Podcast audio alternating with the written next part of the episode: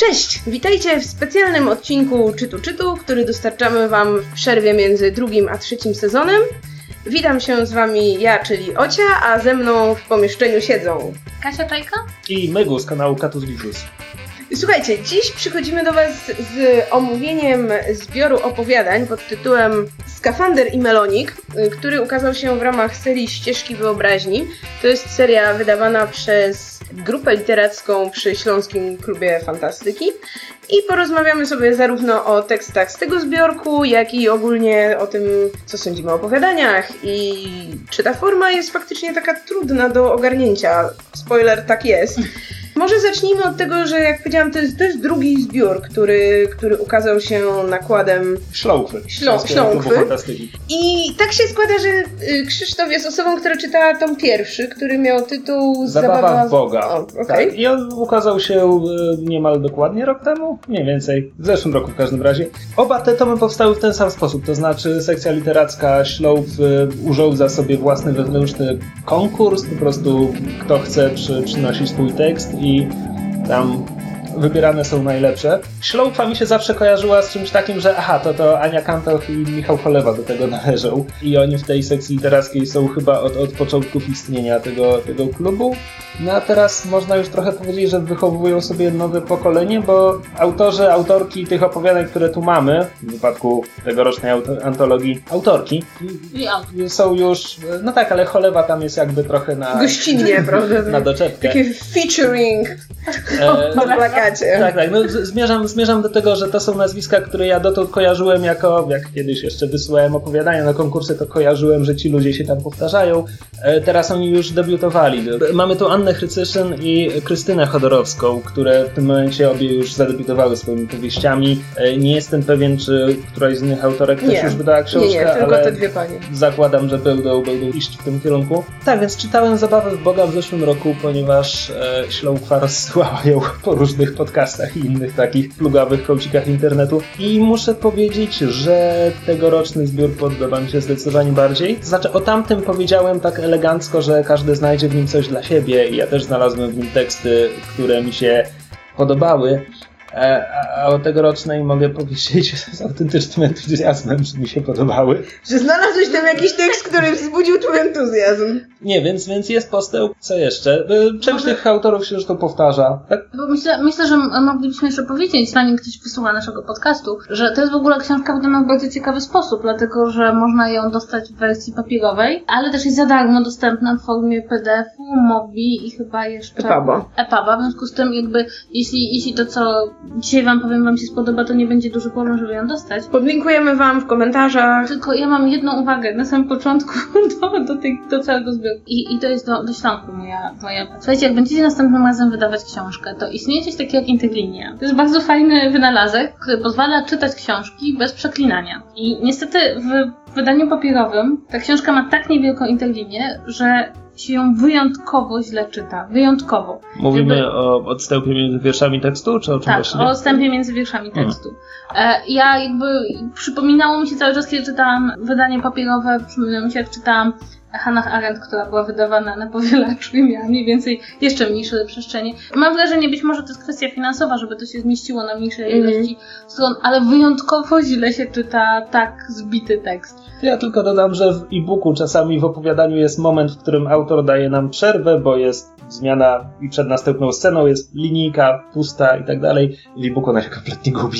Tak, i jeszcze jakby, przepraszam, że tak do tekstów autorskich wracam, a to nie dlatego, że nie mam nic do powiedzenia o opowiadaniach, tylko wydaje mi się, że to może być e, ciekawe, że ja wiem, że sklejanie książek jest fajne, ale kiedy sklejasz książkę tak, że nie sposób jej otworzyć, nie łamiąc okładki, to to jest przynajmniej dla mnie problem. Ale, Ale, ale ale może coś miłego, jeśli chodzi o wydanie. O w sensie wydanie, nie, nie o wydanie papierowe, bo takiego nie dostałam. a to jest nasze wspólne, nie Tak, wiem, ale czy to twoje. No nie, bo mieliśmy dostać trzy egzemplarze, potem się okazało, że dostaniemy jeden, bo mało Ale wydrukowali. chcesz, chcesz możesz dostać mój. Nie, bo jest złamany. Bo chciałam go przeczytać. Nie, wracając do tego, co jest dobre. Może Krzysztof umiera? Już, już mi lepiej. Nie nagrywam Wydech, tego wydech. z Ocią, tak. Jak to nie? Nie nagrywał z tobą. A właśnie, to jest, to jest nowy układ. Ja nigdy nie byłem w czytu, czytu z Kasią. Ulala. No dobrze.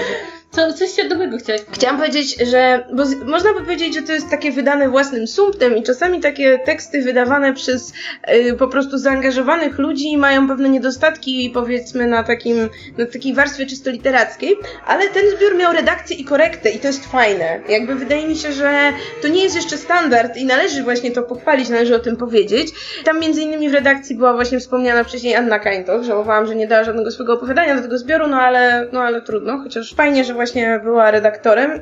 I pod tym względem, no nie było jakichś takich strasznych, nie wiem, nie było, przy, przycinki były na swoich miejscach, tak? Tam jakieś pojedyncze litery. Tak, więc, To... więc, Ja nie zauważyłam żadnej.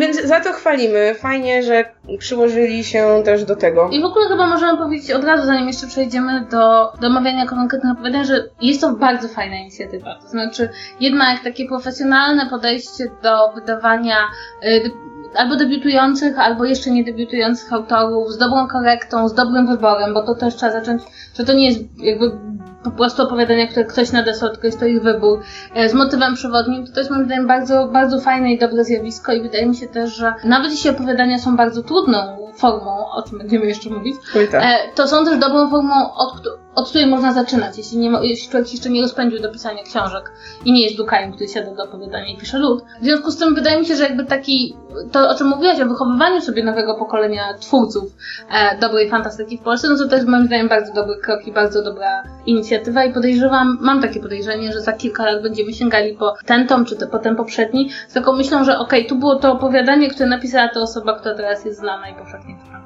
Tak, albo właśnie dostaje jakąś nagrodę. I będziemy mówili, że zna, znaliśmy ją wtedy, kiedy książki, które, które publikowała, nie mają jeszcze internecie. No dobrze, wspomniałeś właśnie o motywie przewodnim, no i w tym domie tytuł jest, że tak powiem, motywem przewodnim, czyli skafander i melonik, różnie interpretowane przez autorów i też różnie wykorzystywane. Mam wrażenie, nie wiem, czy się ze mną zgodzicie, że skafander był znacznie mocniej wykorzystany niż melonik w tych To zbiorach. znaczy, dla mnie w ogóle Skafander i Melonik sugeruje ci, że to będzie cała antologia steampunkowa, podczas gdy o steampunku się dwa teksty ocierają i kot próbuje wyrwać się na wolność. E, Natomiast co do tego Melonika to urzekło mnie to, że najwyraźniej wszyscy autorzy stwierdzili, znaczy wszyscy, autorzy myśleli skafander Melonik, skafander Melonik, skafander Melonik. Co by zrobić takiego nieoczywistego z Melonikiem? Po czym mamy trzy teksty, w których pojawiają się boliwijskie, peruwiańskie Meloniki. Dokładnie, Tak. dokładnie miałam tą samą myśl, że jakby być może należałoby to przetłumaczyć i wysłać gdzieś do Boliwii albo Peru, żeby odkryli po prostu jak, jak polskie autorki myślą o, o, o, ten, o, o mieszkańcach tych e, krajów. Natomiast rzeczywiście mnie zaskoczył, zaskoczyło to właśnie jak, bo ja byłam przekonana, że to będzie bardziej spójna, taka stylistycznie antologia. Na pewno e, trochę się bawiłam czytając te opowiadania, szukając gdzie wcisnął skafander, ewentualnie melonik. Natomiast e, nawet ta steampunkowość tych opowiadania, które do tego jakby nawiązywały bardziej, była taka, mam wrażenie, bardziej wierzchu. Pretekstowo. Taka pretekstowa. To znaczy być może to wynika też z faktu, że żeby napisać coś, co by było bardziej zakorzenione w steampunku, trzeba byłoby mieć na to więcej miejsca. Albo po prostu jest to jakaś narzucona estetyka, to także czasem sprawia, że ludzie tak wiesz, dają dużo ozdobników, dużo sugestii, musi być jakaś maszyna parowa koniecznie, sterowcy także były dość do, dobrze obecne w, w tym zbiorze, natomiast nie mają takiego poczucia, że muszą w to iść głębiej, czy tworzyć jakieś bardziej spójne światy. Natomiast co, co mnie raczej przyjemnie zaskoczyło, to też byłam przekonana, że będzie większa stylistyczna jednorodność tych opowiadań jednak mimo wszystko, a one są bardzo, bardzo różne, prawda? To znaczy, że jakby mamy od, od rzeczy, które mają taki wyraźny rys e, bardziej filozoficzny, taki trochę, mamy trochę takiego, jak to się nazywało, New Weirdu, Mamy detektywistyczną opowieść, tutaj się w ogóle Tak, mamy zaczyna. pamiętnik, mamy generalnie różne formy narracji, pierwszoosobową i trzecioosobową. Mamy taką, powiedzmy, mamy, mamy dziwne formy gramatyczne w niektórych opowiadaniach, bardzo na plus. Tak, mamy próby pisania b- b- no, w, te, w trzeciej osobie, to nie w trzeciej osobie, dobrze mówię? Znaczy bez płci na przykład, Mhm. Więc to też jest. Więc ogólnie różno, jakby z jednej strony mamy jakiś motyw przewodni, a z drugiej strony on rzeczywiście pod względem takiego wykorzystanych form i pomysłów zupełnie nie ogranicza autorów i oni tutaj, można powiedzieć, trochę szaleją, prawda? I, i, i, I w tym zbiorze jest naprawdę bardzo, bardzo dużo różnych pomysłów. Pytanie tylko, czy wszystkie są dobrze wyegzekwowane. Właśnie, bo to, czy to ma wady i zalety? Ja z jednej strony cenię tę różnorodność o tyle, że sięgając po każdy kolejny tekst, to jest takie, no co będzie tym razem, nie wiadomo, nie wiadomo czego się spodziewać. Z drugiej strony, no to zauważałam, nie wiem, czy to przypadek, czy kwestia moich preferencji, czy kwestia tego, co po prostu było lepsze w tym zbiorze. Opowiadania science fiction jak dla mnie były tymi zdecydowanie najjaśniejszymi punktami. W jakimś sensie szkoda mi, że nie było jednak ich, że jakby to nie były tylko opowiadania science fiction. Może w następnej antologii, wiesz, zostanie wyłącznie science fiction. Krzysiu. Patrzycie na mnie wyczekująco, tak, ale... bo, bo em, czekamy aż tego. Różnorodność, tak czy nie? E, tak, jest tutaj różnorodność. Znaczy, ja się może odniosę do tego, nie pamiętam już, czy powiedziałaś to po włączeniu mikrofonu, czy przed.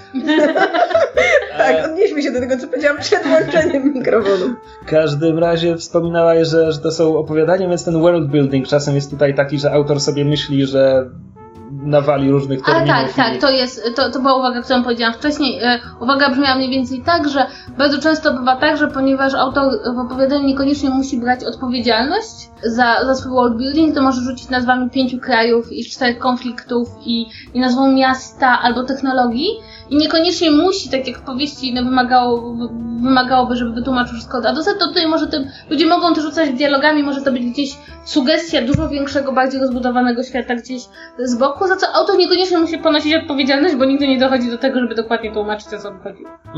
No, ja z trochę innej strony, zawsze kiedy czytam opowiadania, zwłaszcza jeśli to jest antologia różnych autorów, a już zwłaszcza, zwłaszcza jeśli to jest antologia konkursowa, którą to nie do końca, ale trochę można Mhm. powiedzieć, że jest, e, zawsze ciekawi mnie, czy autor, autorka, która, która bierze się za, za bary z opowiadaniem, wygra czy nie, w sensie czy jak sobie poradzi z długością formy. Bo są opowiadania, które widzisz, że ktoś miał masę pomysłów i postanowił upchnąć je wszystkie i przez to po Pierwsze. prostu nie ma, nie ma tekstu, bo po prostu nie ma na nic miejsca. Dużo rzadsze są opowiadania, które dają sobie za dużo miejsca myślisz sobie, ale, to- ale to naprawdę nie ma pomysłu na aż to, o jeszcze, jeszcze 20 stron, okej. I szczerze mówiąc, jedno z opowiadań z tej antologii miałem takie, że mogło być trochę krótsze. Natomiast byłem pozytywnie zaskoczony tym, że, że większość z nich trwała tyle, ile powinna i, i miałem wrażenie, że były dobrze wymierzone, jeśli mogę tak powiedzieć. Tak, to rzeczywiście, tak jak teraz o tym mówisz, to też mam takie wrażenie, że rzeczywiście nie było takich, takich tekstów, zwłaszcza, że w przypadku opowiadań bardzo często występuje, wydaje mi się najczęściej to, że są za długie względem pomysłu, prawda? Też jest pytanie, e, jaki jest przepis na dobre opowiadanie. Mam wrażenie, że są dwa przepisy na dobre opowiadania, a przynajmniej dwa, które znają autorzy w tej antologii. Jeden to jest mieć jeden dobry Mam mieć skafander lub mam mieć melodię? No, jeden dobry pomysł, który zmieściłby się w jednym zdaniu, tak? Nie wiem, nawiążę do konkretnego opowiadania, to krótkie opowiadanie o lamach, tak? Ktoś hoduje lamu Na Marsie. Na Marsie, tak? I całe opowiadanie da się stracić w jednym zdaniu. I to jest jeden pomysł, więc jakoś realizowany przez całe opowiadanie. Drugi to miałam w przypadku chociażby tego pierwszego, to że mam bardzo dużo różnych pomysłów, ale nie będę ich rozwijać tak, tak bardzo szeroko, bo to jest tylko opowiadanie. I nie wiem do końca, która z tych form się lepiej sprawdza. Znaczy, mnie osobiście dużo bardziej pasuje jednak taka pierwsza koncepcja, gdzie Mhm. jest mm, zwięzły pomysł, tam obudowany czymś dookoła, ale jakby tyle. Jakby esencją opowiadania jest właśnie jeden pomysł, to jedno zdanie, które można je streścić. No bo właśnie jak mamy za dużo tych grzybów i mamy rzeczy, które widać, że nie wiem, autorowi czy autorce przyszły na myśl i były takie, no fajne, to dorzućmy to, ale czytasz to opowiadanie zastanawiasz się, ale po co to tu jest? Jakby, jakby wykreślić ileś elementów z tego opowiadania, to jakby ono by na tym w ogóle nie straciło. No to wydaje mi się, że wtedy to jest jednak już zła konstrukcja tekstu, kiedy czytelnik odnosi takie wrażenia. Tylko, że to nie zależy jakby jeśli, jeśli przyjmiemy te dwa pomysły, które, które przedstawiła Kasia jako dwa przepisy na opowiadanie, z, y, z obu może wyjść dobry tekst. To, to po prostu jest kwestia realizacji. No i jeśli, jeśli mówimy o pierwszym tekście tutaj, to nie jest. Problem nie polega na tym, że jest w nim za dużo pomysłów, które są nie do końca opisane, bo, bo opowiadanie się nie zmieściły, tylko jest w nim za dużo pomysłów, które nie wiążą się ze sobą. Tak, które Tak. można by wykreślić i nic by się nie stało. Tak, zostałoby prawdopodobnie lepsze opowiadanie, które dałoby się stracić w jednym zdaniu. tak. Bo mi się wydaje w ogóle, że pisanie opowiadań, jakby tutaj e, e, przyglądając się tym tekstom, jest o tyle skomplikowane, że zaczynając czytać tekst, bardzo często mamy pewne oczekiwania, dokąd on nas e, zaprowadzi. I potem on się kończy i nie do końca e, czujemy się satysfakcjonowani. I ja mam wrażenie, że to jest, ja zawsze robię porównanie z do kinematografii, gdzie jestem dużo więcej w stanie wybaczyć filmowi długometrażowemu, bo on jest dłuższy, ja zapomnę i moje oczekiwania Mm. się zdążą 10 razy zmienić, niż w stosunku do krótkometrażowego, który jeśli nie ma dobrego pomysłu, to ja paradoksalnie czuję, że straciłam 15 minut życia, jeśli nie mam dobrego pomysłu, mimo że oglądałam dużo gorsze, długie filmy, ale one mnie jakoś, byłam im w stanie więcej wybaczyć, być może. Mm. I na przykład czasem jest tak, że samo opowiadanie samo w sobie moim zdaniem nie jest złe, tylko mam takie niespełnione oczekiwań. Miałam tak bardzo w przypadku opowiadania Jeden spalony rzut, Mhm, tego o strażakach. które mi się zaczęło, jak, jak ono się zaczęło, to ja bardzo mi się spodobało i miałam takie, kurczę, bardzo chcę wiedzieć co będzie dalej, po czym ono się skończyło i miałam takie, to wzruszam ramionami takie. Mm. I, I myślę, że gdyby to była dłuższa forma, to ja bym, ja bym to jakoś wybaczyła, Mhm. prawda? Bo było to dobrze napisane. Ja natychmiast zobaczyłam te postacie, natychmiast zresztą pomyślałam sobie, że mam jakiś emocjonalny związek z postaciami. A tutaj miałam takie, no zobaczyłam jakąś scenkę i ta scenka mi jakoś nie miała dobrej puenty, przynajmniej moim zdaniem jakoś mnie bardzo nie poruszyła. I czuję się tym dużo bardziej zawiedziona, nawet jeśli ono technicznie jest dobrze zrealizowane. Mam podobne odczucia, a ponieważ to jest właśnie tekst e, Chodorowski, więc mam zamiar sięgnąć po tę debiutancką książkę i zobaczyć, co zrobiła z, Y, Z większą formą. tak. Bo, bo zdecydowanie to było dobrze napisane. To, że, że to jest w ogóle bardzo śmieszne, bo jak opowiadanie jest takie, wiecie, nie napisane źle, ale też nie porywająco, to człowiek nie, nie ma ochoty, jakby nie ma poczucia zawodu, jak ono jest takie, no było opowiadanie. Ale jak jest dobrze napisane, to jest złe. Znaczy, ja sobie robiłem notatki do Aha. opowiadań i widzę, że moje notatki do spalonego rzutu brzmią e, wielką czcionką metafora, a potem normalnie, ale to dobry tekst. To jest genialne podsumowanie. Powinieneś przeczytać te swoje notatki do każdego opowiadania, bo... Właściwie to całe, całe nie. nagranie powinno polegać na tym, że Krzyk czyta swoje notatki, a tylko mnie, hmm, okej. No dobrze, to skoro mówimy miłe rzeczy, to ja też bym chciała powiedzieć miłą rzecz, mianowicie tekstem, który zrobił na mnie najmilsze i najlepsze Mhm. wrażenie, było Zwierciadło w dziurce od klucza, autorstwa Marty Magdaleny Lasik i to jest opowiadanie takie właśnie mocno sci-fiowe z y, istotą, która nie ma płci w takim naszym y, ludzkim rozumieniu i które właśnie wykorzystuje dużo ciekawych, stylistycznych nowych form i skojarzyło mi się tak trochę właśnie z tym, nie wiem, z tym jak pisze Dukaj, czy z taką, powiedziałabym, właśnie taką poważniejszą, filozoficzną science fiction. To był dosyć długi tekst, ale mnie się go rewelacyjnie czytało i właśnie nie miałam, nie miałam poczucia, że na przykład, e, że jest za długi, że, że właśnie jest w nim za dużo jakichś koncepcji czy pomysłów i to jest taki mój zdecydowany faworyt w tej antologii.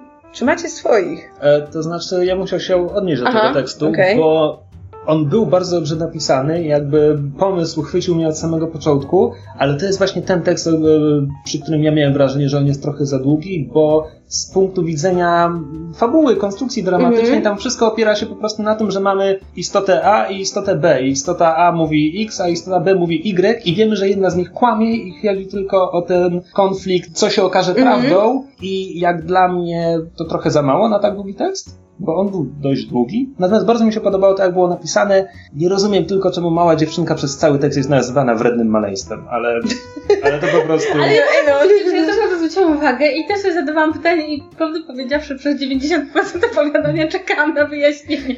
ja myślę, że... Słuchajcie, Ja, ja ja myślę, nie że... wiem, czy au, autorka opisała w ten sposób swoją młodszą siostrzyczkę. Nie no, ja myślę, że to jest po prostu naturalna percepcja każdej istoty, nawet kosmity w stosunku do ludzkich dzieci. I nie mam Ale żadnych to uwag. Nie, ale... Właśnie, ale... żeby ono było wredne w którymś Ale momencie. Może nie jak na kosmiczne standardy, okej? O ciebie wie, jakie są kosmiczne standardy.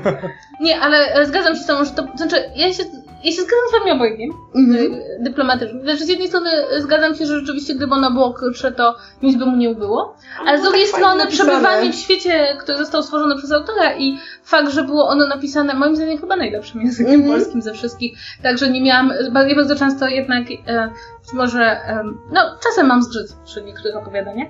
To tutaj nie. Tutaj to było bardzo dobrze napisane, fajnie i, i, i też miałam takie, jak zaczęłam je czytać, to ono dobrze odsłaniało po kolei to, co chcę ci opowiedzieć o, o, o bohaterach i o świecie. I to mi się też podobało, bo niestety czasem są takie akapity w niektórych opowiadaniach. Pierwszy akapit, który zawiera mnóstwo różnych informacji po to, żebyś wiedział, gdzie jesteś i co się dzieje. Dobrze, czy będziemy tak po kolei opowiadać o, o, o opowiadaniach, czy Nie, możemy skakać, możemy mówić o motywach. o tych, o, o, być może powinniśmy za, na ten e, powrócić do motywów boliwijsko-peruwiańskich. Tak, Których? są dwa opowiadania takie chyba najsilniej osadzone w Tak. tej, powiedzmy, w wykorzystaniu elementów kultury latynoamerykańskiej, nazwijmy to tak, czyli opowiadanie drugie, La Estrella, Aleksandry Sokulskiej i Matki płaczą solą, Alicji Tempłowicz. Aczkolwiek ekonomia to dolina niesamowitości też Także jak ma. najbardziej malamy. I Mm. melonik. I ponczo nawet. Mnie się bardzo podobało to pierwsze z wymienionych, La Estrella. To jest opowiadanie o kosmicznej rest- wrestlerce, która walczy właśnie w tym takim boliwijskim stroju. To jest bardzo krótkie opowiadanie, które właśnie ma jeden pomysł, jedną puentę. Może To nawet jest nie jakieś- jest, znaczy, To jest to taka nawet nie jest tak. opowiadanie, tylko jakby kilka takich pokaz slajdów. tak. Tak. I, I mnie to w jakimś sensie, w jakimś sensie, no nie wiem. Poczułem, że poznałem tę postać, Tak. poznałem ten świat. Ładne, o, Ale- ładne obrazki. Bo zapomnę, miałam wrażenie, że z całego Scientologii było to opowiadanie, które po mnie najbardziej spłynęło. Znaczy tak, no okej, no. No tak bywa, no. Właśnie po mnie dużo bardziej spłynęło to, to drugie. Jakby w ogóle się jakoś nie Znaczy, wczułam. w czekaj. to, w to o Matki płaczą. płaczą solą. Tak. Ja miałem problem z worldbuildingiem w tym Tak, opowiadaniu. to prawda. ponieważ to jest, jest świat niemalże współczesny, bo tam mamy konkretnie powiedziany rok 2030 i to jest nasz świat, tylko że magia wróciła, to znaczy ona zawsze tu była, ale jakoś uśpiona, a teraz, teraz jest wybudzona. I mamy powiedziane, że najgłębsza wiedza, czy, czy coś takiego istnieje wśród pierwotnych ludów na Ziemi, że u nich to przetrwało, a jednocześnie nasi bohaterowie to są biali ludzie z Europy, bo jest Instytut Naukowy w Europie i Instytut się tym wszystkim zajmuje. I Instytut to są specjaliści od tego wszystkiego. I z jednej strony mam takie, ale zaraz, to opowiadanie mi mówi, że to te pierwotne ludy, ci, którzy jeszcze żyją w plemieniach, znają jeszcze szamana, mieszka w bloku obok. Oni zachowali jakąś część tej wiedzy. Czemu bohaterami, których obserwuję, są jacyś biali ludzie z Europy? Żeby się utożsamiał. Znaczy, Ze szamanem się nie ale, ale, ale autentycznie nie rozumiem. Zwłaszcza, zwłaszcza, że autorka nie opisuje tego szerzej. W sensie ja nawet do końca nie wiem, jak ta magia tam działa i co robi i co właściwie się stało. W związku z czym dostaję tylko dwie sprzeczne informacje. No wiesz- Może na tym konflikcie ten tekst miał się opierać, tylko. Masz perspektywę tych białych ludzi, może oni też nie wiedzą. nie, nie, nie Może? to, żeby to Może było... nikt nic nie Znaczy inaczej, bo w ogóle perspektywę mam, narrację prowadzi profesor, który mi pisze na pierwszych stronach, że ten, ten kolega z instytutu, którego mi, do, mi go dali, jest młodszy, przystojniejszy, irytujący, ludzie go lubią, a w ogóle to jest lepsze od tego, co ja robię. Ja mam takie, to po co ty tu jesteś? Nie, sekundkę, sekundkę, nie podważaj całej hierarchii naukowej, tak? To nie jest tak, że to się nie zdarza teraz na uniwersytetach. W grantach badawczych. Znaczy inaczej, bo, bo ja, ja mam świadomość, że wchodzę w zbyt złośliwe rejestry czasem, kiedy o tym mówię. Ja tak mówię, bo w tym opowiadaniu są pomysły, które mnie zaintrygowały, Duchy. tylko ich nie rozumiem. Nie, rozumiem, na jaki świat mają się składać. Ale być może to jest właśnie problem, e, do którego wracamy z opowiadaniami, że e, jeśli nie masz czasu na dobry world building, to nie możesz sobie pozwolić na żaden błąd, tak? Bo Mm. prawdopodobnie gdyby to, to opowiadanie było dłuższe i autorka w sposób naturalny napisałaby ci więcej o tym świecie, bo nie można długo nie pisać o co chodzi, e, to te rzeczy, które tutaj są dziurami, tam by się wyjaśniły, prawda? W związku z tym dochodzimy do kolejnej rzeczy, że moim zdaniem opowiadania wymagają dużo większej precyzji, tak? Tak. To znaczy, jeśli coś się pojawia, jeśli chociażby pojawia się jaka, jakiś instytut, to musimy wiedzieć, dlaczego akurat ten instytut, jeśli się pojawia profesor z przystojnym asystentem, to musimy wiedzieć, dlaczego akurat ten profesor został tam e, ściągnięty i chociażby jeśli to będzie informacja moje nazwisko wpisali do grantu, to, to, to, to już jest, wiesz, jakby tutaj nie, mo, nie można rzeczywiście zostawiać zbyt wielu niedopowiedzeń w tym worldbuildingu, bo te, wtedy nagle się okazuje, że no, że właśnie wszystko się trochę zaczyna rozpadać i, i trzeszczeć. Mimo, e, mimo, że wydawać by się mogło, że właśnie tych pytań do świata powinno być mniej niż w takich rozbudowanych wizjach, a ich się robi coraz więcej. Co tam dalej mamy? A no wspomnieliśmy już e, tak o tym tekście o lamach, to może o nim szerzej, bo to jest, to jest ciekawy tekst. To znaczy, z jednej strony jest to zabawna koncepcja wypasania lam, jest główny bohater, który jest też istotą, powiedziałabym, niebinarną, tak? To chyba będzie najtrafniejsze określenie. Znaczy, on jest w ogóle chyba... On jest robotem. On Tak. jest robotem, w związku z tym nie ma więc... Tak, i, te, i, i mówi o sobie też w tych e, takich nijakich końcówkach. Acz, aczkolwiek zanim, zanim został pasterzem Lam, był opiekunką do dzieci Tak. i wtedy miał zaprogramowaną żeńską osobowość i tu też jest ta jakaś Mhm. ciekawa historia. On nie pamięta właściwie tamtego istnienia, teraz czuje się, że kiedy po raz pierwszy trafił na, na łąkę z lamami, to wtedy, wtedy powstał. ale jest świadomy, że kiedyś istniał jako, jako jakaś inna forma.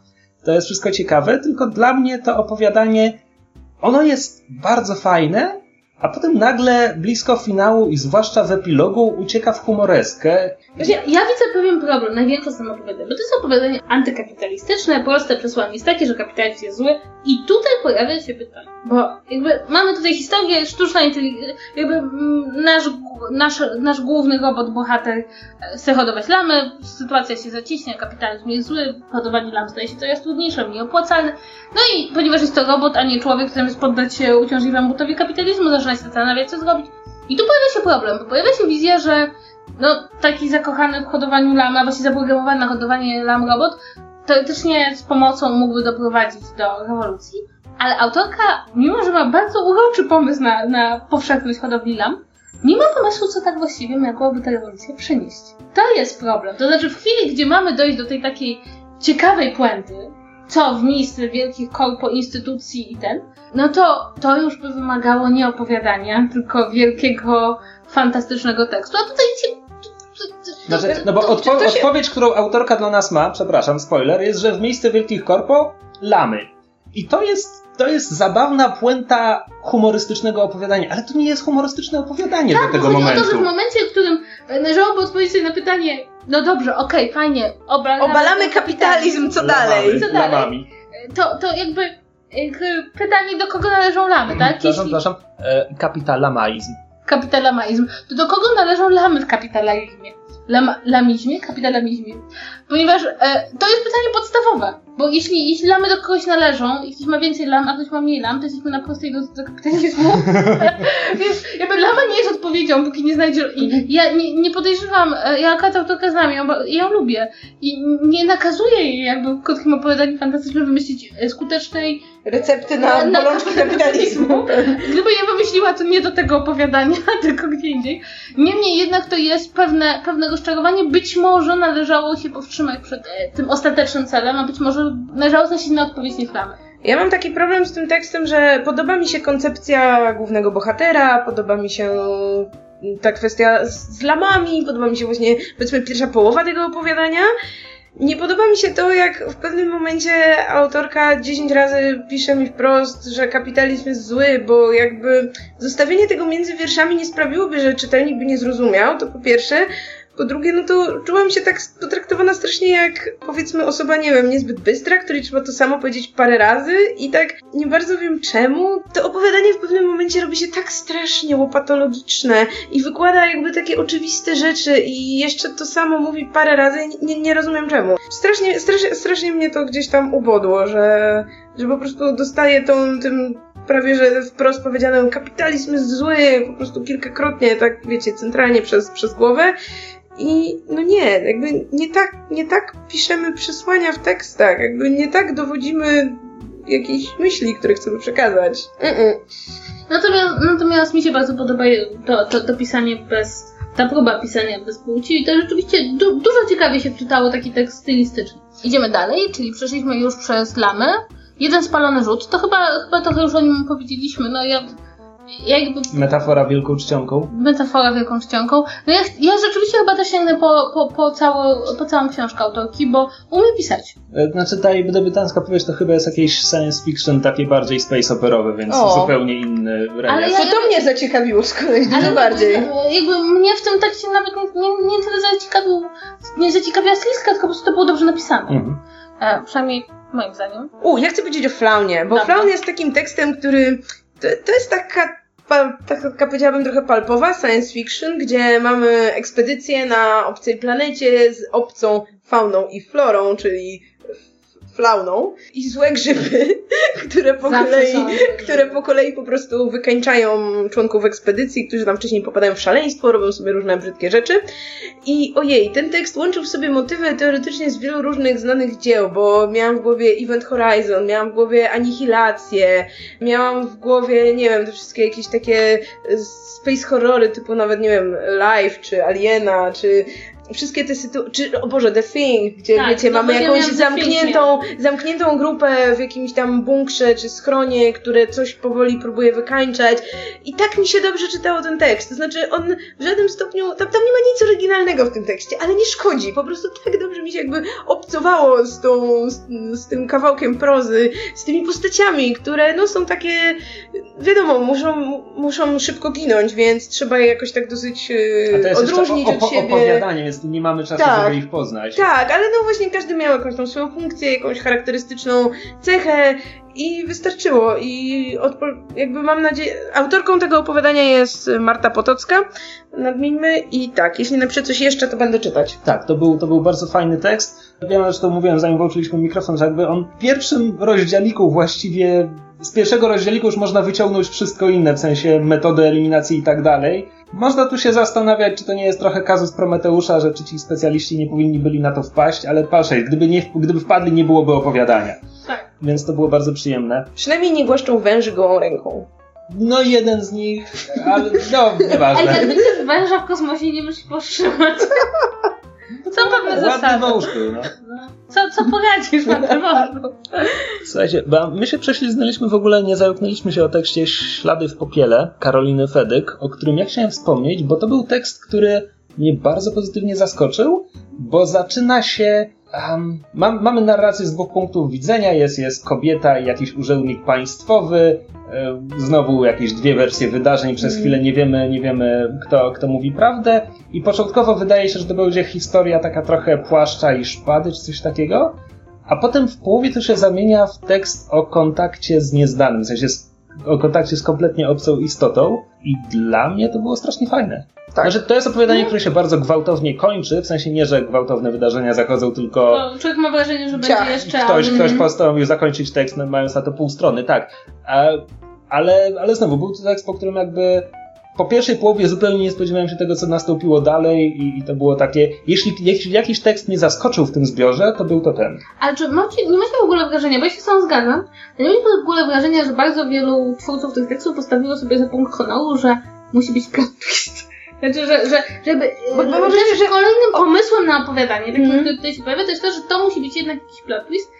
I ja mam wrażenie, że w niektórych przypadkach, jak tutaj, to zadziałało, bo jakby to był taki niekoniecznie plot twist taki najprostszy z możliwych, że się tak wyrażę, że coś, coś się okazuje czym innym.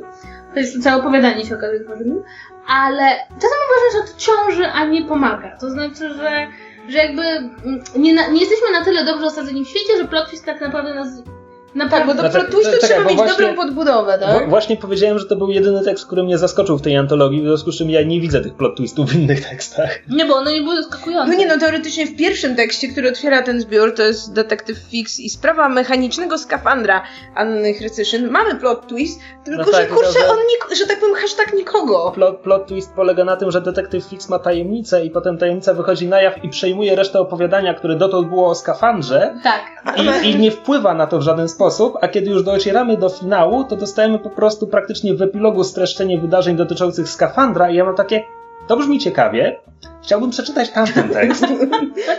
Może powinien napisać do śląku. Przepraszam, czy mógłbym dostać, czy mógłbym dostać zupełnie inną Może ten sam to jest tylko No wyciąć plot twist, zostawić resztę fabuły. No właśnie, znaczy ja bym to podciągnęła właśnie do tego, o czym Kasia mówi, że czasami autorzy chyba myślą, że skoro mają tak mało miejsca w tej krótkiej formie, to muszą czytelnika czymś zaskoczyć, żeby, nie wiem, to opowiadanie z czymś tego czytelnika zostawiło, że o Boże, tak, to jest to opowiadanie, w którym coś tam. No i tak, tak czasem tak na siłę to wypada, nie? Znaczy, dla mnie plot twist w opowiadaniu to w ogóle jest taki...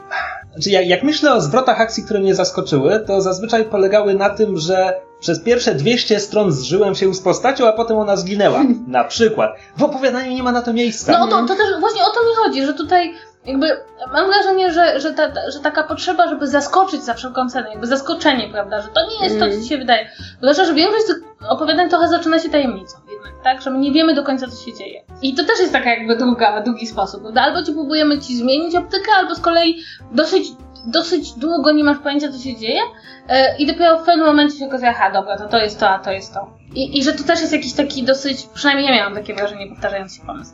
I doszłyśmy, do, doszłyśmy, Doszłyśmy. Tak, Krzysiu, Krzysiu, doszłyśmy do ostatniego opowiadania, to jest pościg. Pierwiastek męskich zbiorków. Czy ja mogę powiedzieć, ja powiem jak, jak powiedziała kobieta, ja do, doczytałam do połowy i się znudziłam. Znaczy na mnie, to, po mnie to opowiadanie spłynęło. To było tak dużo różnych rzeczy. Nie no, to jest opowiadanie o piratach i o statkach i oni się ścigają i Znaczy- piraci napadli na statek i nie wiemy dlaczego i... Ja, ja, ja nie ukrywam, że ja lubię ten schemat, że jest Mhm. okręt, załoga, pan kapitan i jego oficerowie i mogą do, do siebie mówić dialogami w rodzaju pierwszy, ty idź, zapasz mi herbatę Earl Grey i tak dalej. Ja to lubię. Mhm. E, więc na przykład ja rzadko sięgam po, po cykliczne fantazy, które ma 15 tomów, no ale zacząłem czytać ten cykl Naominowi, gdzie jest dokładnie ten sam schemat, tylko na grzbiecie smoka, tak? TMRL. Więc to opowiadanie jakby uderza w te tony, znaczy uderza w te tony, realizuje ten, dokładnie ten schemat. Więc jest to po prostu coś, co lubię, bo to jest dla mnie, że tak powiem, neutralnie pozytywne doświadczenie. Najgorsze tekstu. Chaotyczny, neutralny. Musicie zrozumieć, że Krzysiek zrobił taką linię w powietrzu, że Znaczy, no bo mogę, mogę to jakby, mogę to skontrastować tylko z jedynym innym tekstem Michała Cholewy, który czytałem, czyli to Mhm. była Forta, Gambit. Jaka była jego pierwsza książka? A nie falta? Za, On- on za za- Fortę dostał dostał Zajla, czyli to musiał być Gambit właśnie. chyba. Gambit, okej. I Gambit to jest z kolei ktoś obejrzał Aliens i ktoś pisze książkę, gdzie masz kosmicznych Marines. I to jest też jakby realizacja schematu, tylko tamten schemat mi nic nie robi. Więc na przykład w ten sposób chcę powiedzieć, że gdyby Michał Cholewa napisał książkę o załodze steampunkowego latającego okrętu, to bym przeczytał i pewnie, i pewnie podobał mi jeśli- się bardziej niż Gambit. Nawet jeśli byliby na nim Space Marines.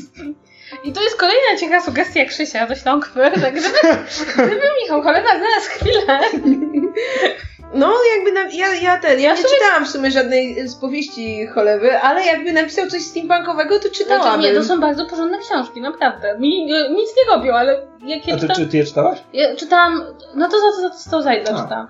I, i, i, i to, to było bardzo porządne. To było naprawdę dobrze napisane, bardzo porządne, nic mi nie zrobiło. A tak, mam dokładnie miałam, jak zaczęłam czytać to opowiadanie, miałam znowu to samo, wiesz, na zasadzie, ja wiem, że to jest dobrze napisane, no przecież widzę, no, ale no i w połowie tak dałam i pomyślałam Nie dla że- ciebie nie- Cholewa. No nie dla mnie cholewa, no.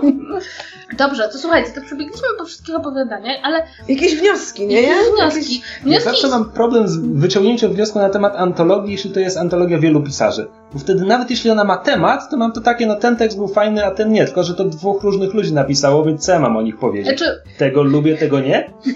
Znaczy, wydaje mi się, że antologie są o tyle ciekawą formą, że nawet jeśli nie wszystkie teksty nam się tak samo spodobają, czy niektóre nam się nie spodobają w ogóle, to to jest ten moment, kiedy właśnie można się bardzo szybko rozeznać w tym, jak piszą różne osoby, z którymi na przykład nie mieliśmy kontaktu wcześniej. Czyli Na zasadzie... antologia opowiadań jest jak katalog Ikei. O, to jest niezły, to jest niezły. U, może, może Tak, się jakby uda. to sobie zaznaczę, to, to nazwisko sobie zakreślę kółkiem, bo może jeśli dajmy na to, ta osoba napisze później swoją debiutancką powieść, czy tam nie wiem, już napisała powieść, no to to jest dla mnie taki impuls, że o, warto się zainteresować, może sięgnę, no bo no nie ukrywajmy, jednak powieści nawet debiutanckich wychodzi w każdym roku tyle, że mało kto ma szansę zapoznać się ze wszystkimi, więc to jest taki papierek lakmusowy, tak? No poświęcę te 50 czy 30 stron autorce czy autorowi X, żeby zobaczyć, no czy w ogóle jakkolwiek rezonuje ze mną, tak? I właśnie wiedzieć, czy robi mi coś, czy mi nic nie robi. Więc to jest dla mnie chyba największa zaleta opowiadań. ja jeśli chodzi o antologię, zwłaszcza taką jak ta, która ma jakikolwiek motyw przewodni, no to moje ulubione to jest to, że jakby nawet niezależnie od tego, że teksty są lepsze czy gorsze, a prawdę powiedziawszy jak na antologię, to to jest dobra antologia, bo nie ma żadnego takiego tekstu porażkowego, to to człowiek się zastanawia, czy ta osoba jakby zapoznała się z językiem polskim bliżej. To mnie zawsze bawi właśnie jak się bierze jakiś temat i ludzie próbują wymyślić coś do tego tematu i masz taki trochę przegląd wyobraźni ludzkiej, która y, czasem pragnąc być oryginalna, y, staje się powtarzalna, jak te nasze wątki peruwiańsko-boliwijskie. E, Czasem, czasem ten narzucony temat trochę ciąży, prawda? Ja mam wrażenie, że te skafandry wisiały w niektórych opowiadaniach tylko, z- tylko z przymusu. Ale też jakby, ja nie wiem, może, może to jest moja głowa osoby, która lubi pisać, ale to z kolei odnoszę zawsze do siebie, prawda? Patrzę, co sobie jak, jakby traktuję to, ktoś rzucił temat, patrzę, jakie teksty na ten temat zostały uznane za najlepsze. Myślę, co ja bym wymyśliła, gdybym dostała za zadanie wymyślić coś, gdzie byłby I skafander. co byś wymyśliła? Czy to byłoby dwudziestolecie międzywojenne, gdzie wszyscy chodzą w skafandrach i, melon i melonikach? Może, może. Ja sobie wyobrażam nurka głębinowego, który w, podwodnym mieście przechadza się ulicą i ma ten melonik na skafandrze. Ej, a, pro, I a tak propos... uchyla tego melonika, Tak, no nie? dokładnie, dokładnie. Przepływającemu wielorybowi. Pozdrawiamy Jołki Walenia. E, przy okazji, czy w tekście cholewy był jakiś skawander lub melonik? On się Nie chyba mam wyłamał. Nie mam pojęcia. Jakby... Ja, ja przeczytałam do połowy, jestem zwolniona. Ja przeczytałem cały i nie zauważyłem. E, Panie Cholewa, gdzie pan skafander?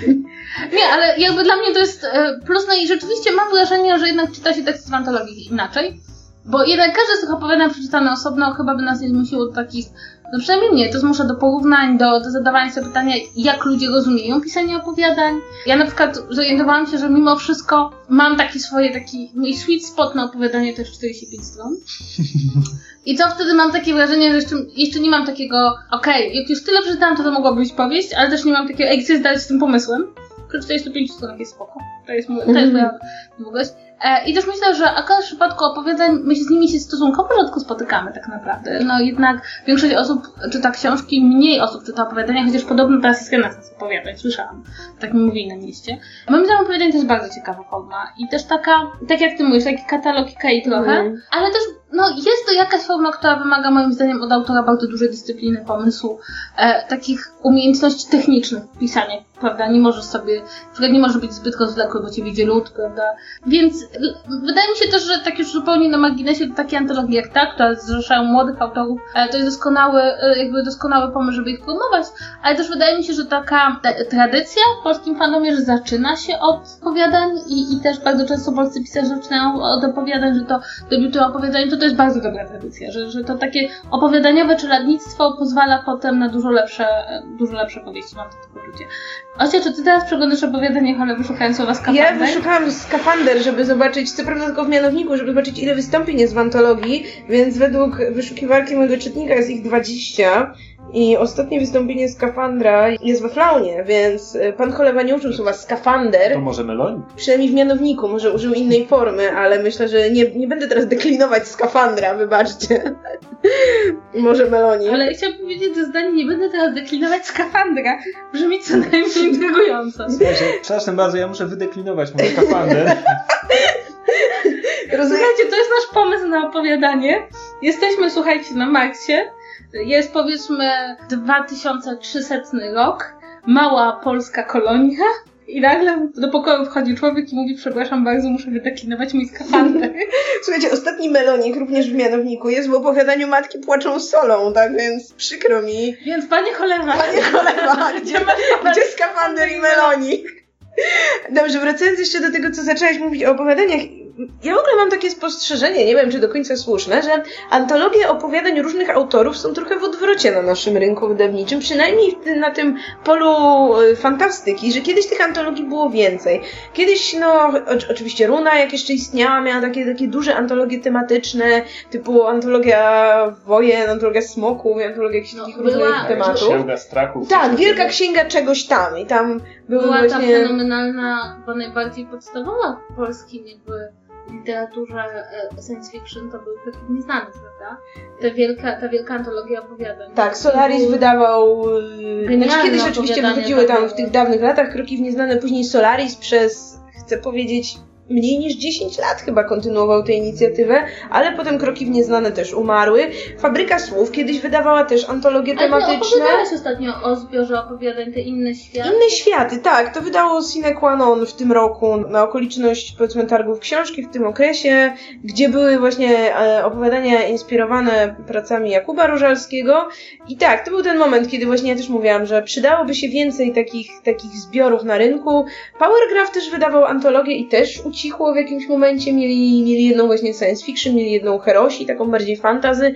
Więc kurczę, gdzie te nasze antologie? No właśnie. Była młoda i piękna, Te, tak. ale teraz, jeśli potrzebujemy antologii, to, to tak trochę jest problem. Wydaje mi się, że opowiadania przerzuciły się głównie do czasopism, a jeśli już wychodzą zbiory, to częściej wychodzą zbiory jednak jednego konkretnego autora i to już takiego, który, nie wiem, zasłynął najpierw bardziej powieściami, czy, czy coś w tym stylu. Co chyba skłania nas do tego, że powinniśmy krzyczeć w nieznane, żeby dawajcie opowiadania, tak? Nie- I, i róbcie interwiu. Tak, dostarczycie nam więcej katalogów Ikei, to jest szansa, że będziemy poznawać też więcej pisarzy. I Pisarek. Pisarek, tak. Tak, fajnie jest to, fajne jest to, że w tej antologii jest dużo pisarek. Propsuje. Tak, tak. Ogólnie ja, wydaje mi się, że chyba wszyscy poprzemy Śląski Klub Fantastyki. Jak kiedyś w siedzibie Śląskiego Klubu Fantastyki spałam całą noc na drewnianej ławie. Czemu? Czy, czy obudziłaś się z opowiadaniem, Bryłku? Ktoś przechodził wręczył mi. Nie, nie, przyjechałam do Śląska, do Śląskiego Klubu na, e, z wizytą i nie miałam się nosować. A właśnie, czy jakby, jakby, przypuśćmy, jeśli oni wydają takie antologie, to jakby musisz być ze Śląska, tak? Przypuśćmy, ty nie mogłabyś napisać opowiadania do Nie, chyba kolejnej... trzeba być członkiem klubu, nie? Ale nie wiem, czy Ale tak. wtedy trzeba być ze Śląska, trzeba mieć kartę prawdziwego Ślązaka. To jest pytanie, na które nie możesz, możesz odpowiedzieć. prześledzić biografię autorek. Wydaje mi się, że nie wszystkie są stamtąd. Sprawdzimy, czy ktoś jest z Warszawy. Jeśli ktoś jest z Warszawy, to jest dla nas szansa dla naszego deklinowania skafandry. A jeszcze co do wydania tego zbioru, bo nie wspomniałyśmy, tu są O, to grafiki. są ilustracje. Tu są ilustracje i, ich auto- i autorką jest Alicja Tempłowicz, która jest też autorką jednego z opowiadań. I to są całkiem fajne grafiki. No, I są naprawdę w porządku. w e-booku je co prawda tak słabo widać, są takie malutkie. No właśnie, aż, mi, Ale aż się zdziwiłem, że tutaj są, bo nie kojarzę ich z e-booka. No ale właśnie w tej wersji drukowanej wyglądają bardzo fajnie. Tak, nie, w ogóle, słuchajcie, gdyby ktoś jest z Krakowa, to już jest... O, Kraków. To już nie Śląsk. to, już, już, to już nie Śląsk, to już... Słuchajcie, jeśli nie jesteście... Kolejna osoba z Krakowa, nie, no to słuchajcie, to spokojnie. A nikt z Warszawy jeszcze nie jest. Ktoś się urodził w lutym w pełni, ale nie powiedzieć... Przepraszam.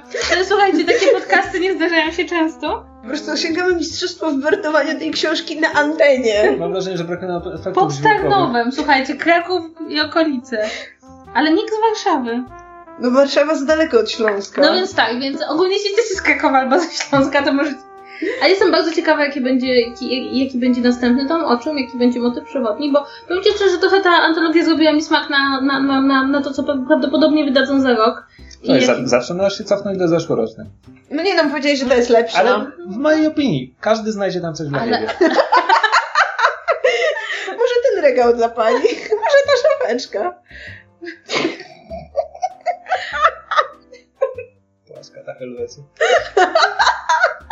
Słuchajcie, naprawdę, e, chyba, chyba będziemy powoli...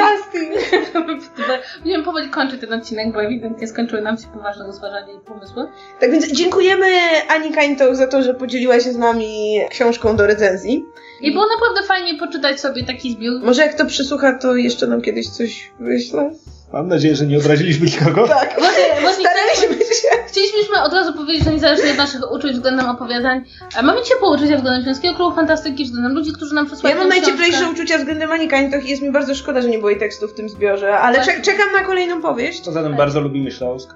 Tak, ogólnie tam bardzo Węgiel. pięknie. Tak, węgiel. Katowice to piękne miasto. Miasto ogród. To się wytnie. Dobrze, ale e, ogólnie chcieliśmy bardzo podziękować za książkę do recenzji i też polecamy się, jeśli jesteście być może z jakiegoś wydawnictwa i nas słuchacie, to e, my bardzo chętnie przyjmujemy książki do recenzji. lubimy- Profesjonalnie się nimi zajmujemy, jak słyszycie. Tak, oglądamy ilustracje, na przykład jak są obrazki. Liczymy liczbę stron. Liczymy, liczymy Właśnie, wystąpienia z skafandra w tekście. To właśnie, to są bardzo poważne analizy. 393. No, Dużo. dużo. Tak. Więc jest to książka, która ma dużo stron. I nie wszystkie przeczytacie, bo tak te w środku trudno otworzyć, ale to nieważne. tak, jeśli jesteście ciocią, to nie kupicie tej książki, bo się rozpada. Nie, ale, ale w każdym razie dziękujemy za bardzo za przesłanie książki. Mamy, mam nadzieję, że nasze omówienie Wam się spodobało. Jeśli, jeśli sami czytaliście e, Skafander i Melonik, to opowiedzcie nam, które opowiadanie Wam się najbardziej podobało. Jeśli Was zachęciliśmy, no to jak mówiłam na samym początku, książka jest dostępna za darmo w Darmo, bierzcie. w PDF-ie, EPUBie i Mobi i można sobie ściągnąć właśnie na stronie. Właśnie na stronie, tak, pod, podlinkujemy wam w opisie wideo, więc... Więc jest to naprawdę bardzo fajna książka do promowania, bo możesz pod koniec powiedzieć i możecie ją mieć za darmo. I ja czekam na kolejną antologię i jestem bardzo ciekawa, gdzie jeszcze ciekawe opowiadania napiszą członkowie Klubu Fantastyki. Czekam również powodzenia. Żyjecie na Śląsku, jest wam ciężko, więc fajnie, że piszecie. I Magu pożegnać. A moje filmy możecie oglądać na kanale Katus Bikus. Trzymajcie się, kiedyś wracamy. Cześć, pa! Pa! Cześć!